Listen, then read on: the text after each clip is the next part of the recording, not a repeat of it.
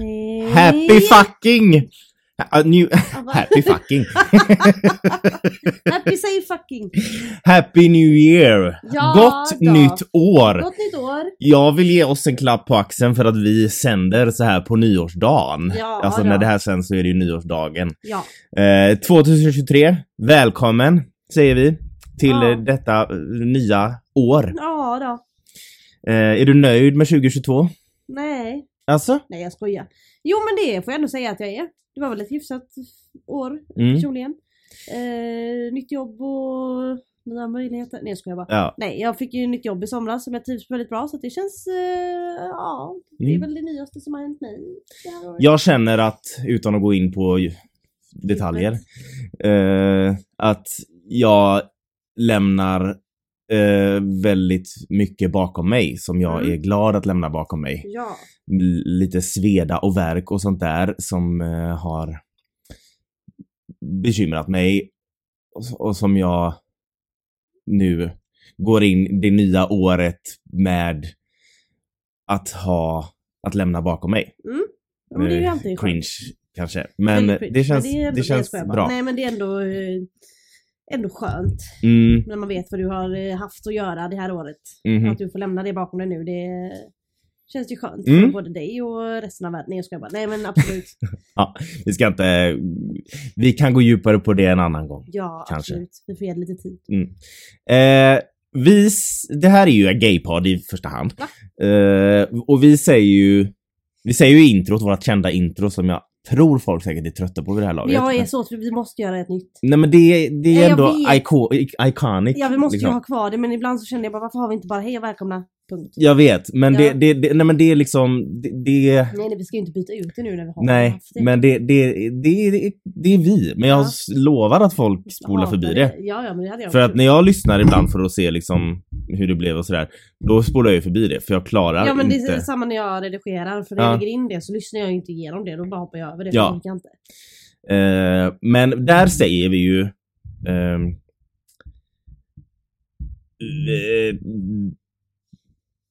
det är, eh, allt som är homosexuellt och mer därtill. Ja. Vi har ju inte riktigt alltid gått på in det där mer därtill. Det har ju varit väldigt homosexuellt, för det är ju det det ska vara Ja, i första hand. precis. Men vi, Men eh, har vi inte hade tagit ju... ut svängarna så mycket. Nej, har inte tagit ut svängar. Vi hade ju det lite när vi pratade om Iran och det var Ja. också för att vi kände att vi skulle det, eller vi borde det. Ja. Och det var viktigt. Mm. Men jag kände att nu är det dags för en... Jag tänker att vi kallar alla de här, varje gång vi har ett ämne som inte är liksom typiskt homosexuellt eller liksom inom hbtqi plus spektrat så får det kallas för och mer därtill. Så nu är det sånt där och mer därtill avsnitt. Jag menar inte att vi ska sätta det i titeln men jag menar att Nej, men jag nu är det så. Nu är det Att så. eh, eh, det här är ett avsnitt om mer därtill. För där vi går bortom det homosexuella. Jag heter Joakim. Jag heter Amanda och detta är En Gay i Taget. En gaypodd av och med oss, en bög och en flata. Som av en händelse också råkar vara syskon. Här diskuterar vi allt som är homosexuellt och mer därtill. Välkomna! One, two, where are you? Eh, Okej, en klunk kaffe. Fesljummet kaffe har jag. Vad gott. Mm. Ehm. Du är ju en känslig själ. Va? Vad menar du? Det finns någonting som jag vill prata om här idag. Där jag vet att jag hör hemma inom och jag vet att du gör det också. Jag vet inte om du har läst dig in på det. Men i så fall så ska jag se till så att du får information. Vad för sorts, för sorts vårdhem är det här? Ja, har du hört talas om HSP? Ja, Mm. Det står för Highly Sensitive Person. ja men det visste jag. Ja, eh, och det är på svenska då att vara högkänslig. Mm. Högkänslig. Eh, inte att liksom blanda ihop med överkänslig, för du kan vara känslig, du kan vara en jättekänslig person, Mm. men det behöver inte betyda att du är högkänslig. Nej. Det är så här att det finns folk som känner sig känsligare för en del omständigheter, faktorer och förhållanden i sin omvärld. Mm. eh, än vad kanske genomsnittet av befolkningen gör. Mm. Och de här personerna kan till exempel i, i nya situationer liksom stanna upp, observera och kontrollera sin omgivning. Alltså inte rent fysiskt utan i tankarna liksom. Ställa sig och bara. Ehm, den här människan är mycket, mycket mer känsligare för själva omgivningen på så sätt att intrycken blir mycket större hos dem och reaktionerna på allt runt omkring blir mycket starkare hos dem än hos andra. Mm. De kan på, på något sätt höra, känna och se saker som majoriteten inte skulle upptäcka i olika situationer.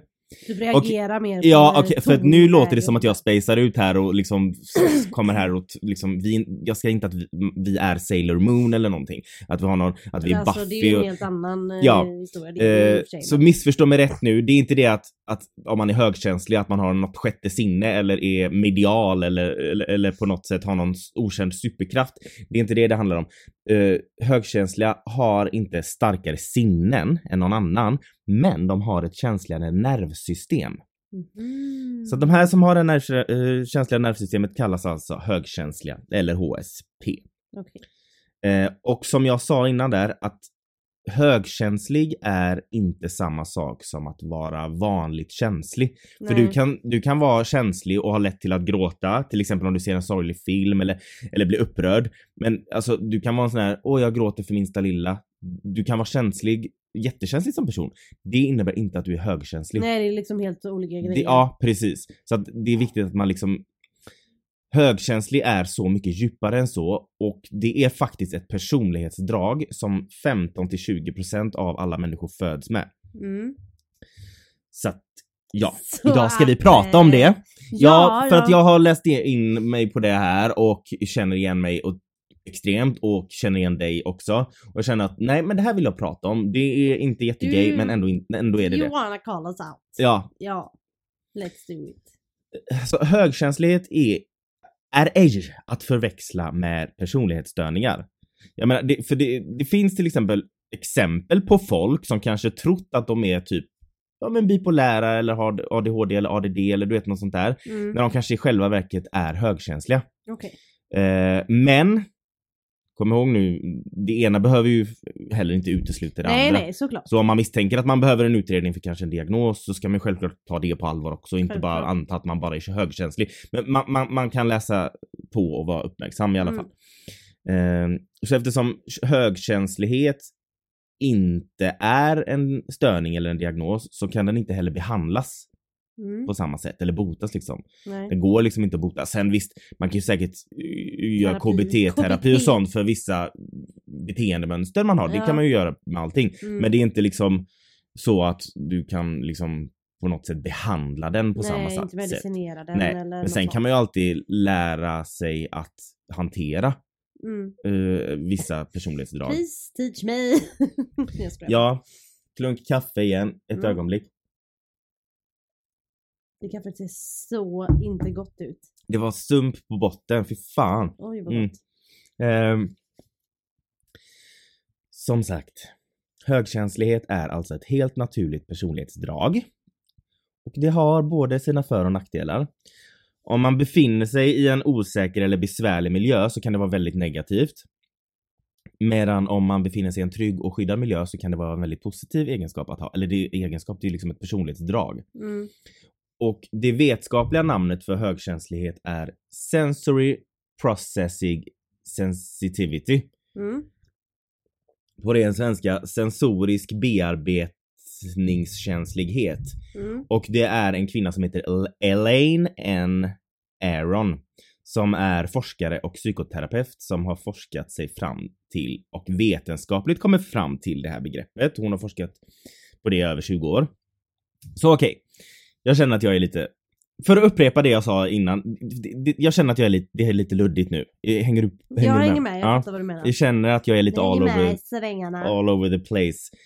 Så, jag summerar lite nu bara innan jag går vidare. Högkänsliga personer eller highly sensitive persons, HSP, har ett känsligare nervsystem än majoriteten. Det här känsliga nervsystemet är medfött och deras hjärna fungerar lite mer annorlunda. Den här skillnaden som högkänsliga personer har i sitt nervsystem gör att de är mer emotionellt känsliga för den fysiska miljön de befinner sig i. De snappar upp saker som inte andra gör och allt de ser eller känner bearbetas mycket djupare hos dem Mm. på något sätt. Eh, och detta gör ju att mycket energi går åt till att smälta intryck. De behöver liksom tid att återhämta sig efter intryck och som intryckt. Efter intryck. Ja, det också. Eh, De behöver tid att återhämta sig efter intryck och som sagt bearbeta situationer och miljöer. Eh, Känner du igen dig hittills? Ja, kan man säga. Är man högkänslig så uppmärksammar man som sagt sånt som andra kan missa. Eh, Reaktionen på intryck blir som sagt starkare för att man på något sätt upplever saker runt omkring mycket, mycket tydligare. Och på hemsidan inspirationskompaniet.se så berättas det att det finns fyra särskilda kännetecken som kan förklara om man är högkänslig. Och det verkar vara såna här fyra som, som det är liksom de fyra, eh, Hitmannen. va? For headless horseman. Ja precis, exakt. Nej men de fyra grundpelarna eller vad man ska säga, Ja. det är liksom vetenskapligt framforskat. Mm. Och nummer ett då är djup bearbetning av intryck. Och det är liksom det största tecknet och det innebär så här. Det största tecknet på att man är högkänslig är Alltså det som, ja, det som på något sätt kännetecknar det tydligast. Det är det djupa sätt som man bearbetar intryck. Vilket också är anledningen till att sensorisk bearbetningskänslighet är det vetenskapliga namnet för högkänslighet. Mm. Någonting man upplever sätter ofta igång ett stort hav av känslor och tankar och reflektioner. Och denna djupa bearbetning gör ju också att man mer än sällan är på sin vakt och kan vara lite återhållsam. Mm. Man är försiktig innan man ger sig in i en situation så stannar man upp och reflekterar. När man kommunicerar med andra så tänker man ofta efter och kan väga sina ord. Man, man analyserar vad man själv har sagt efteråt. Eh, att, kan ta, att ta ett beslut kan ofta ta längre tid eftersom man är noggrann med att tänka över besluten och olika alternativ. Alltså det här med att tänka på vad man säger, eller är det mer, mer analysera vad man har sagt. Jag vet inte hur många gånger efter jag haft en konversa- konversation med någon sitter i min egna hjärna och bara Vänta lite nu, sa jag det lite Mm. konstigt? Sa jag det så här? Mm. Hade hon eh, lite, var hon lite arg på mig? Mm. Hade hon lite attityd? Men det, Ja. Och det är det de säger, det är där skillnaden på någon som bara är känslig och den som är högkänslig. För den som är högkänslig, det är hur den snappar upp minsta lilla i miljö. Mm, alltså, som inte ens är meningen att man ska, alltså du vet. exakt. typ. Eh, att man bara, men eh, han hade det där tonläget, Mm. undrar om han är lite Och det handlar inte om att vara paranoid Nej, eller nej. att vara liksom, utan det är ju en överlevnadsstrategi ja, som man har. Mm, Eh, Och det är ju liksom medfött. mm. Eh, nummer två då är överstimulering. Det låter ju sexigare än vad de Mm. menar. Eh, om en högkänslig person blir överstimulerad så känner den sig väldigt lätt stressad. Och den här stressen kommer för att man använder så mycket energi åt att lägga märke till detaljer och alla intryck. De bearbetas på djupet. Mm. Så om en situation blir väldigt, väldigt intensiv eller pågår längre än väntat kan man som HSP-person bli överstimulerad och den överstimulationen, den framkallar stress. Därför händer det att många, över, många högkänsliga medvetet undviker situationer som de vet kan bli intensiva eller hetsiga. Mm. Liksom. Eh, och sen får man också komma ihåg när jag läser upp det här att alla högkänsliga är ju inte samma person, alltså samma, har ju inte samma, har inte samma personlighet. Nej Så att precis. det är ju inte heller helt svart och vitt utan det här är ju lite grunderna. Jag Nej, menar, jag tänker typ som det här med att ge sig in i något som kan bli en hetsig situation. Det beror ju helt på, typ när det kommer till dig och mig, mm, att man överväger om man ska ge sig in i någonting eller inte. För när det kommer till typ Alltså konflikter och sånt. Mm. Så är ingen av oss särskilt rädda för Nej. att ta en konflikt. men, eller... men efteråt så är Ja, det ju... efteråt är man ju Ja. som man är. Men just jag menar mer att man kan vara högkänslig på olika sätt. Ja, exakt så att man kan ju inte, det är ju inte liksom så här bara nej men det här stämmer inte på mig så jag, men det, man får ju liksom gå liksom över det stora hela och, Mm. och jag menar ja, det är ju inte som att vi har gjort en test på våran hjärna och det har bevisats att vi är högkänsliga. Jag tror inte ens att man, att man gör sådana tester. Nej det är väl bara att du känner igen Man får känna igen oss. det själv ja, liksom. Exakt.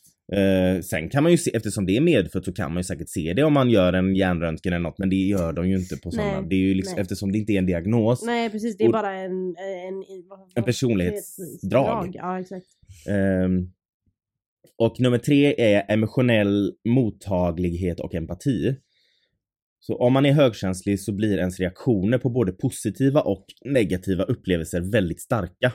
Mm. Och det Eh. pratade vi om i förra avsnittet, vi pratade om stjärntecken. Just det. Om dig, att, Mm. du, att du känner stort oavsett vad det är du gör. Mm. Eller vad det är för en känsla har. Är du arg så blir du jättearg, är du Mm. glad så blir du jätteglad. Mm. Eh, ja. Jag är kåt så le- Nej jag skojar. Nej men hallå eller, vill inte jag höra, usch.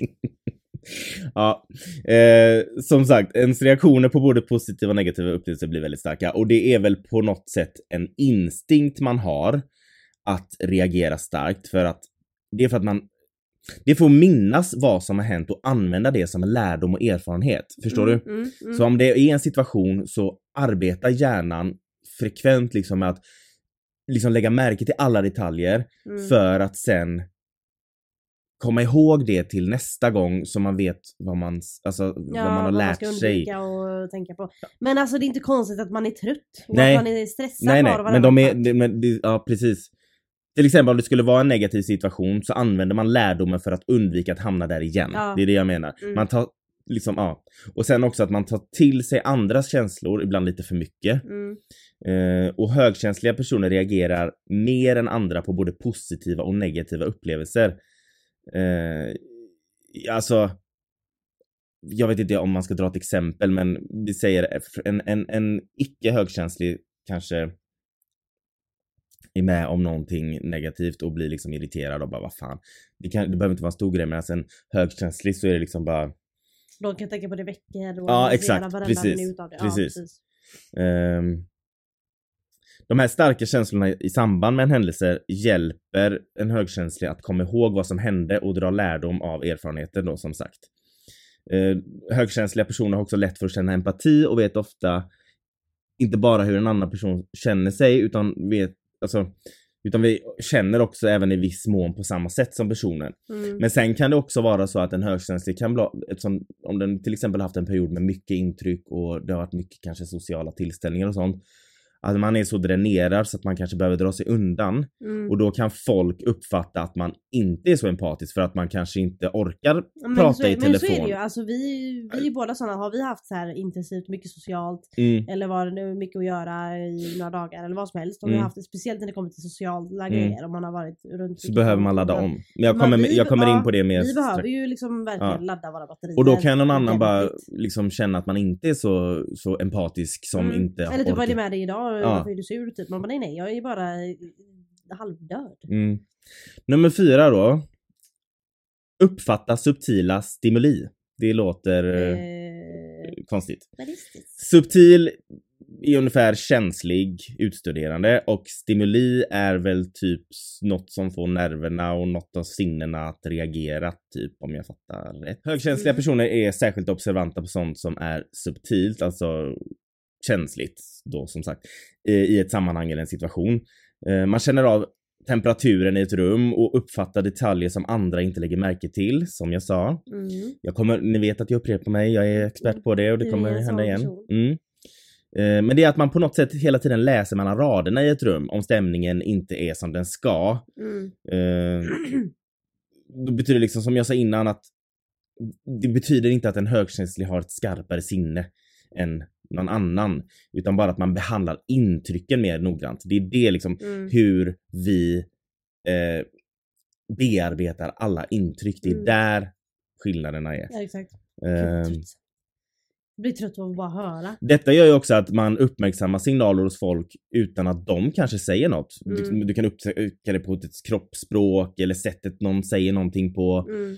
och, och sådär.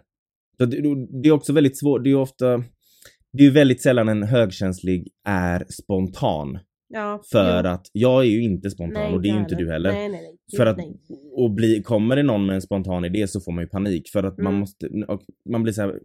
ska jag fly eller ska jag fäkta? Nej men, jag, men exakt och jag måste ju veta helst minst en vecka innan Mm. jag ska hitta på någonting större. Mm. Liksom, inte, inte bara gå ut och, och titta på något. Men alltså om, om någon vill hitta på någonting, typ alltså gå ut och ta några öl eller bara en sån alltså, simpel grej. Mm. Då vill jag gärna veta det en vecka Mm. innan så att jag kan planera. Så Mm. att jag har, lägger någon dag på att faktiskt titta på mina serier så att jag hinner Mm. titta på lite avsnitt Mm. och sen och, så att jag hinner med och tänka så här efter jobbet måste jag hinna göra det här, jag måste hinna vila, jag måste hinna göra si jag måste Eller om någon så. kommer och, och bara knackar på hemma hos en Nej, och man har inte förväntat sig besök. Det är det Nej. värsta. Jag får panik. Jag bara, nej Ja. men det här kan inte hända.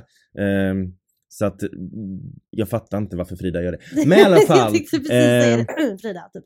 den här Elaine Aron då, som jag pratade om, hon som har Mm. forskat i det här. Eh, hon är också noga med att säga att bara för att man kanske har mycket em- empati eller är en känslig person så betyder det inte nödvändigtvis att man är högkänslig för det. Nej. Alltså, nej, det är ju inte så här bara Alltså man kan ju inte säga bara, ah, nej nu kände jag empati för den här stackars hunden som är skadad så jag är, jag är högkänslig. precis, alltså, du kan vara en så. jätteempatisk människa och Ja. känna saker otroligt mycket. Mm. Men det är liksom inte där nyckeln Nej är. och det är ju som sagt det är ju ingen, det är ingen diagnos eller så. Det är ju Nej. bara en, eh, ett, en personlighets, ett personlighetsdrag. Ja, liksom. det som gör som sagt högkänsliga unika är det extremt djupa bearbetningen av allt. Ja. Mm. Högkänsliga upplever större intensitet än andra men det, med mer detaljer som sagt och eftersom de har så mycket tankar och bearbetar så mycket så visar sig ofta det i intensiva i hur de handlar och hur de pratar. Mm. Så jag känner också när, hur jag är intensiv när jag pratar nu Ja. och viftar med händerna. Nej men de är väldigt intensiva i, i hur de pratar, hur Mm. de beter sig så här, för att Mm. det, det är så mycket du vet att processa. ja. Ehm, Man får inte plats med allt. nej, det finns ingen skillnad mellan könen vilka som föds högkänsliga utan det är jämnt fördelat och Mm. då har den här, det som jag läste då, de har ju fokuserat på traditionell köns... Vad heter det? Traditionella köns... Könssyn. könssyn. Ja. Ja. så att det, de har bara, ja, män och kvinnor har ju de skrivit så att det är inte mina ord. Ehm, det finns ingen skillnad som sagt. Eh, däremot så är det fler kvinnor än män som anser sig vara högkänsliga och kan erkänna det själva. Men det är ju också för att Det är machokulturen som precis, spelar in där. när man gör tester så vill män oftast inte vara helt ärliga för Nej. att man oftast förväntas ha en annan styrka som Ja man... och man ses som svag om, Ja. man, är käns- om man visar sina känslor Precis. som man. Typ. Men som sagt, det här var, det här, det jag läste i den här källan, vi kommer lägga källorna i beskrivningen, men de fokuserade på man och kvinna. Vi, Ja. Ni vet var vi står där. Mm. Ehm, Elaine Aron säger att det är tillräckligt många som är födda med det här för att man ska kunna se det som fullt normalt. Mm. Men det är ändå inte så många att det är lätt att få förståelse från omgivningen. Nej. Det är lätt att man blir missförstådd. Folk kan tycka att man är lite udda och att man, man kan känna, själv känna sig utanför för att man känner sig inte alltid förstådd. Mm. Eh, men när många upptäcker att de är högkänsliga så känns det skönt att sätta ett namn på det. Ja, jo. Många, lö- många läser på om det och det blir som en light switch liksom att äntligen känna igen sig och få svar på sina frågor. Och det var så jag kände och det var därför jag ville prata om det. Ja, nej men jag, för jag har ju ehm, Jag följer ju det kontot på Instagram, jag vet inte om du följer det, or, or, Orkidé Du kan inte säga Sverige. det nu för jag ska komma till det. Ja, du har kommit, ja förlåt mig. Då, då tar vi paus här och så går vi vidare sen. Fortsätt då. jag kommer till det. Nu, Nu gick jag före i Ja, jag Ja, ja, till det. men du är som den där gamla tanten som ska betala med ingen kronor. Mm, jag vet. Nu tappar jag bort mig. Ja. Ehm. Syrsor. Nej jag skojar. Eh, det, alltså det det egentligen handlar om är ju att det är en, det är ju faktiskt en överlevnadsstrategi. Mm. Och som sagt med risk för att upprepa mig. Riks. Med, ja, med, som sagt det är en överlevnadsstrategi och det är på så sätt att man funderar, analyserar och utvärderar vilka risker som finns i olika situationer innan man tar sig an något. Mm. Eh, majoriteten av människor brukar ju oftast vilja hinna saker så fort som möjligt, vilket kan resultera i att man handlar först och kanske tänker sen. Eh, Medan många högkänsliga ofta vill utvärdera risker innan man gör någonting. Ja, så jag tänker sagt man det tillräckligt många ja, gånger nu? Så, så tänker man utan att handla och så ångrar man sig att man inte gjorde något. Exakt, Mm. men som sagt, alla människor är ju liksom tredimensionella. Alltså, Ja, det är inte, alla är ju inte på ett sätt. Nej, jag Nej. menar det är klart att det händer att jag också handlar först och tänker sen. Ja, men det ja. här är ju liksom en generell bild Mm. av liksom, storhet. Precis, ja, det är ju inte svart eller vitt. Nej, precis. Um, högkänsliga har väldigt lätt att känna sig uppjagade och stressade just för att de uppmärksammar då som sagt så många detaljer i omgivningen. Och detta som vi sa innan där, eh, som det är så, så mycket du och jag, just det här med att de blir uppjagade och stressade och dränerade nästan. Mm. Det kan göra att de efter till exempel då en mycket intensiv period av exempelvis då mycket sociala tillställningar och sånt beh så behöver högkänsliga ofta dra sig undan, få vila i fred, ladda om batterierna.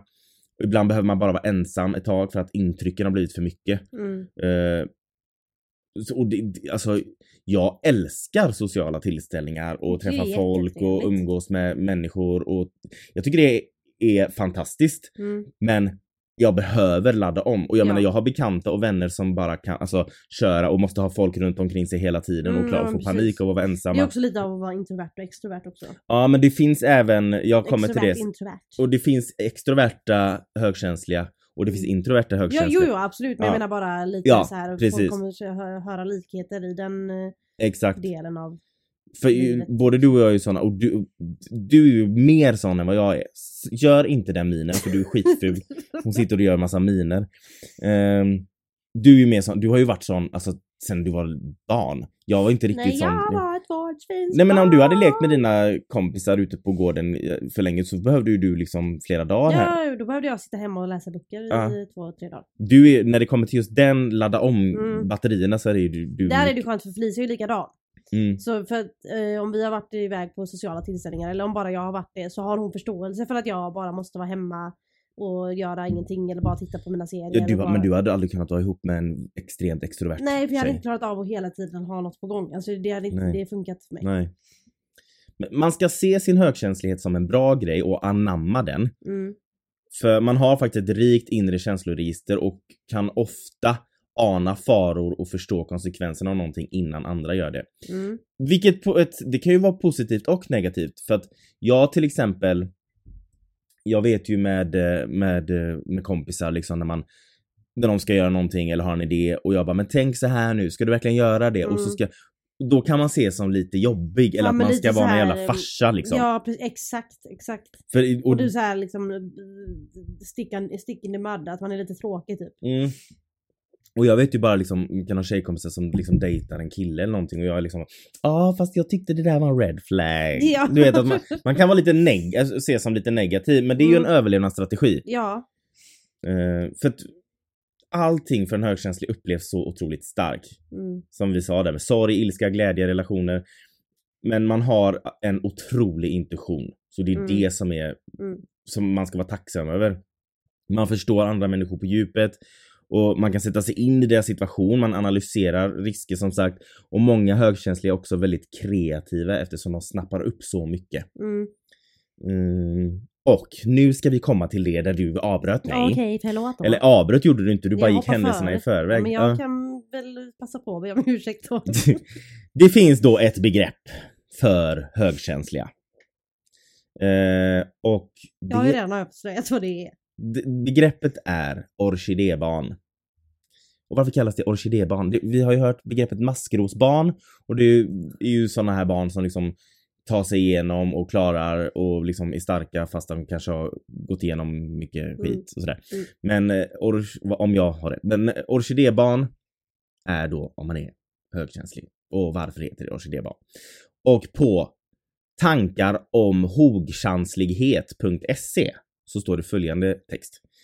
Högkänsliga barn kallas ofta för orkidébarn eftersom de precis som orkidéer är extra känsliga för miljö och omvårdnad och det har en avgörande betydelse för hur de utvecklas och blommar ut under livet.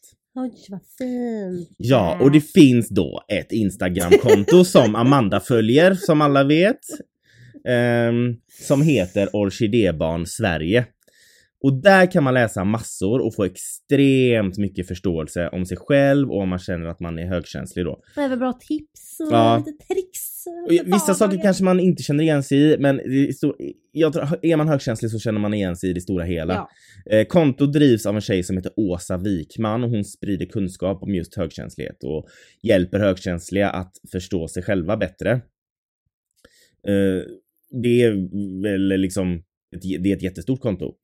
Och där hittade jag det senaste inlägget där, just på tal om det här med extrovert och introvert. Mm. Där skriver Åsa på sin, på det här Orkidébarn Sverige, eh, i caption skriver hon, man uppskattar, uppskattar att cirka 30 eh, nej, rewind.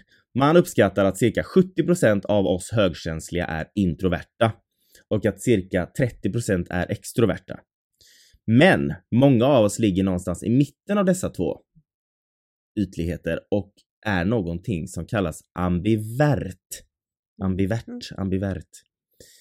Eh, och hon jag tycker bara ambivalent. Ja, ja men det är typ, ja men det är mm. inte helt fel ord egentligen heller. För ambivalent är ju lite, du vet när ja, du står så. och väger lite och ja, inte vet liksom riktigt vem du är. Nej men, eh, hon skriver där att hon själv är ambivert.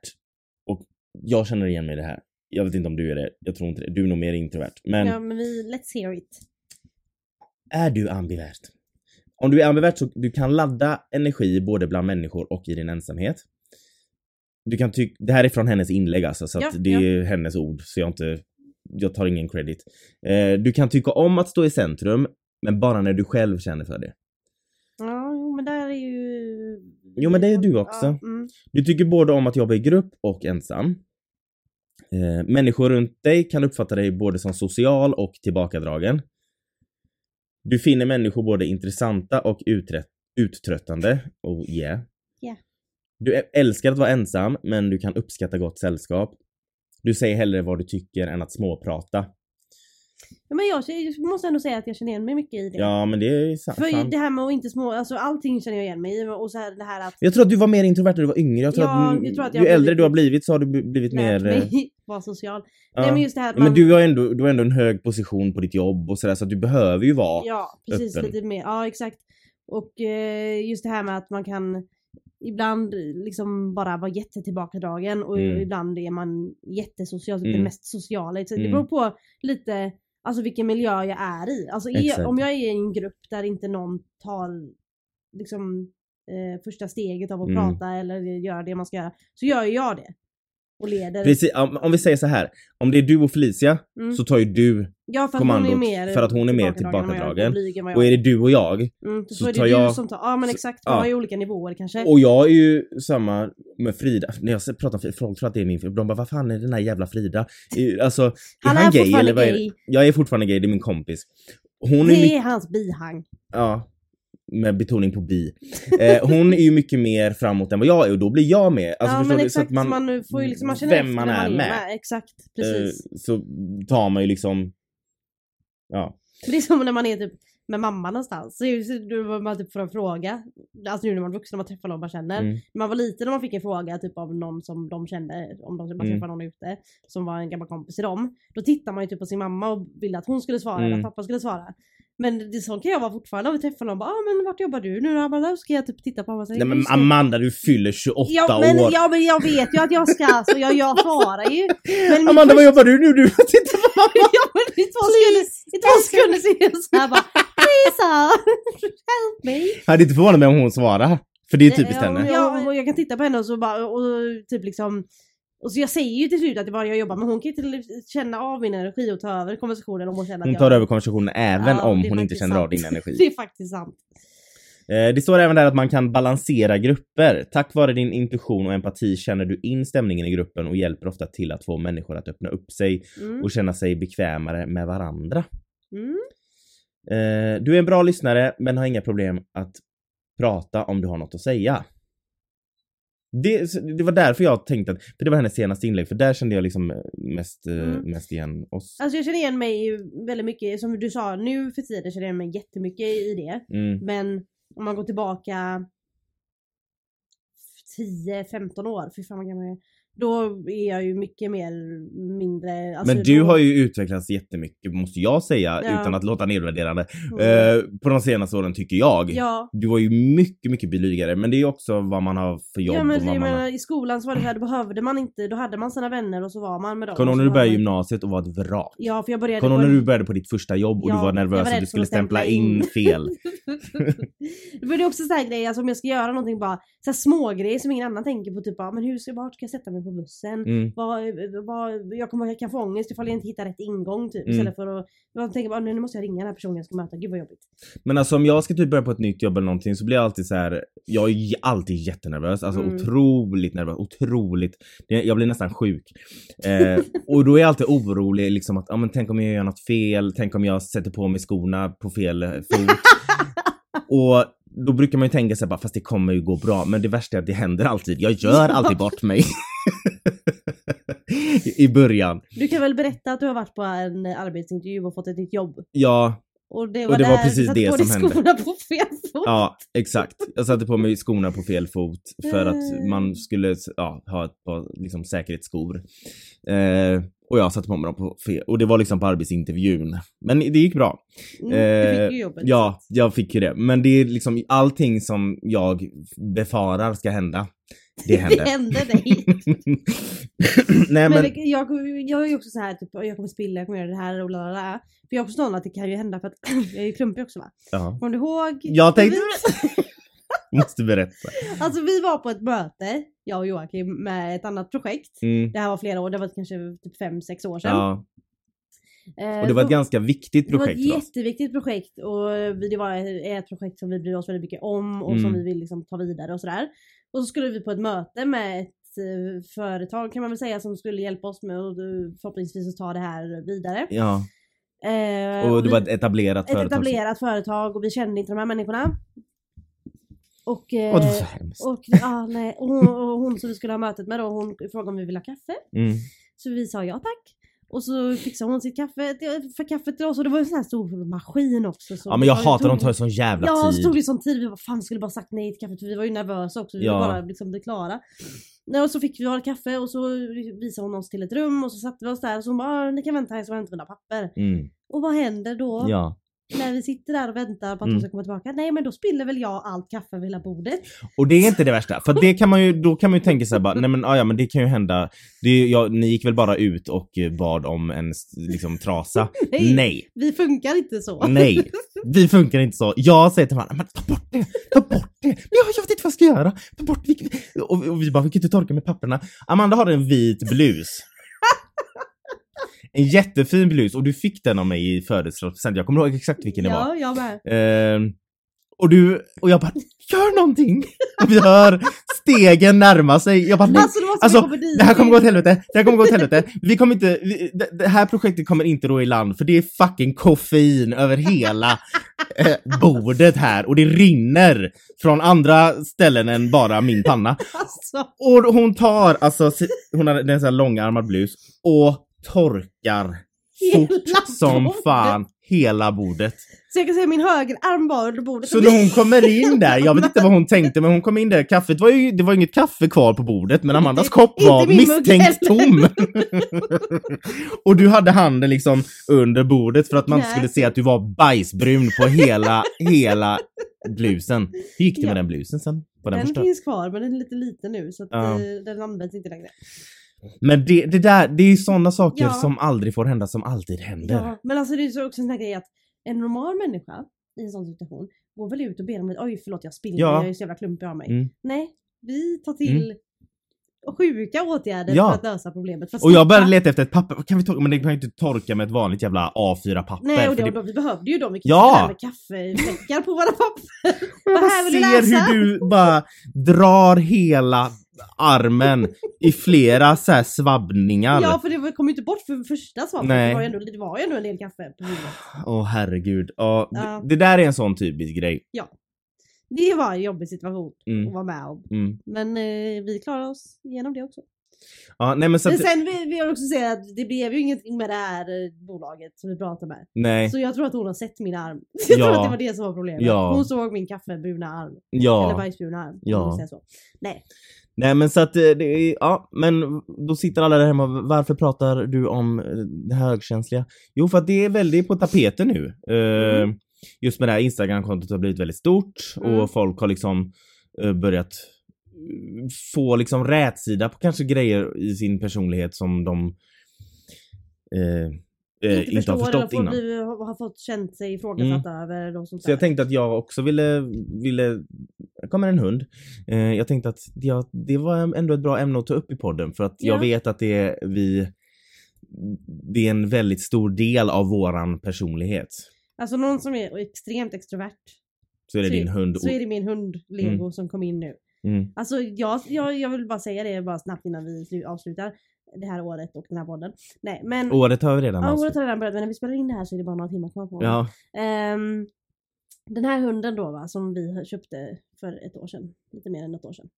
Eh, ett och ett halvt. Han är ju som så att man, man har ju en hund och så tänker man, ah fan vad bra ifall det blir inbrott för då kommer han kanske skydda oss. mm, fast nej. Fast nej. Nej. Eller om jag blir attackerad på gatan. Ja, nej. med min hund. Nej. Han älskar han alla. älskar alla Mm. och ska vara social. Mm. Och han ska prata och får man inte, han inte komma fram och prata med människor eller andra hundar då börjar han gnälla Mm, och mm, skälla till och mm. skälla högt och allt för att få uppmärksamhet. Mm.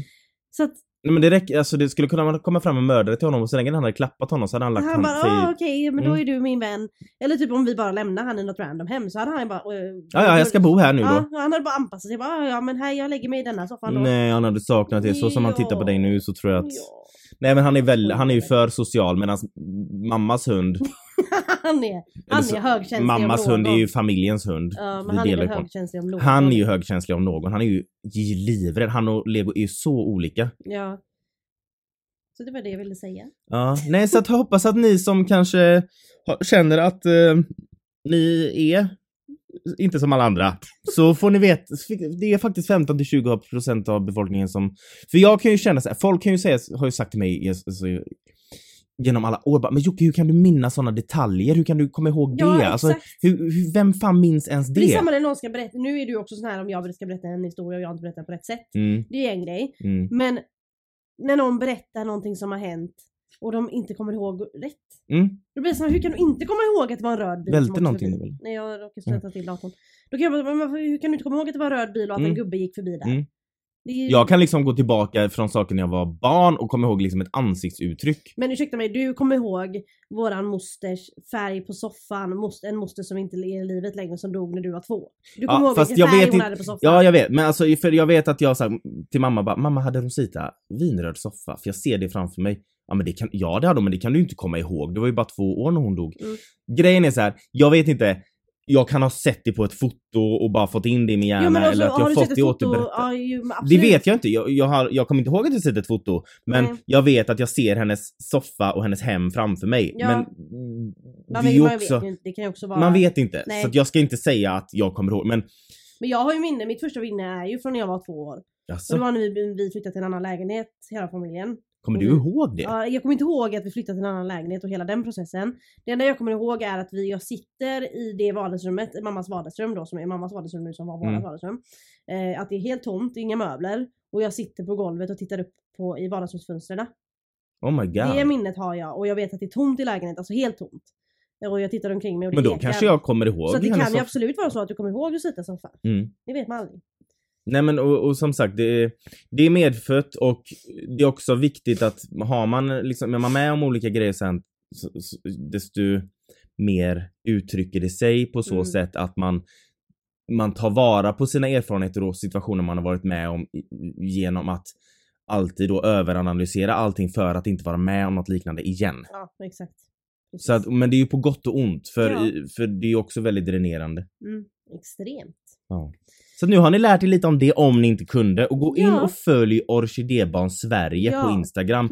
Och hon lägger upp alltså fantastiska grejer och hon lägger också upp vad man kan tänka på om man liksom är högkänslig och eh, liksom tar sig an för mycket eller Mm. inte. Alltså väldigt bra tips. Det är otroligt bra tips. Så Ja. att gå in och följ Ja. Orkidébarn Sverige. Yes, och, Och- eh, gott nytt år. Mm, och god Hoppas fortsättning. Att, god fortsättning. Hoppas att eh, ert 2023 blir eh, very, very great. Mm.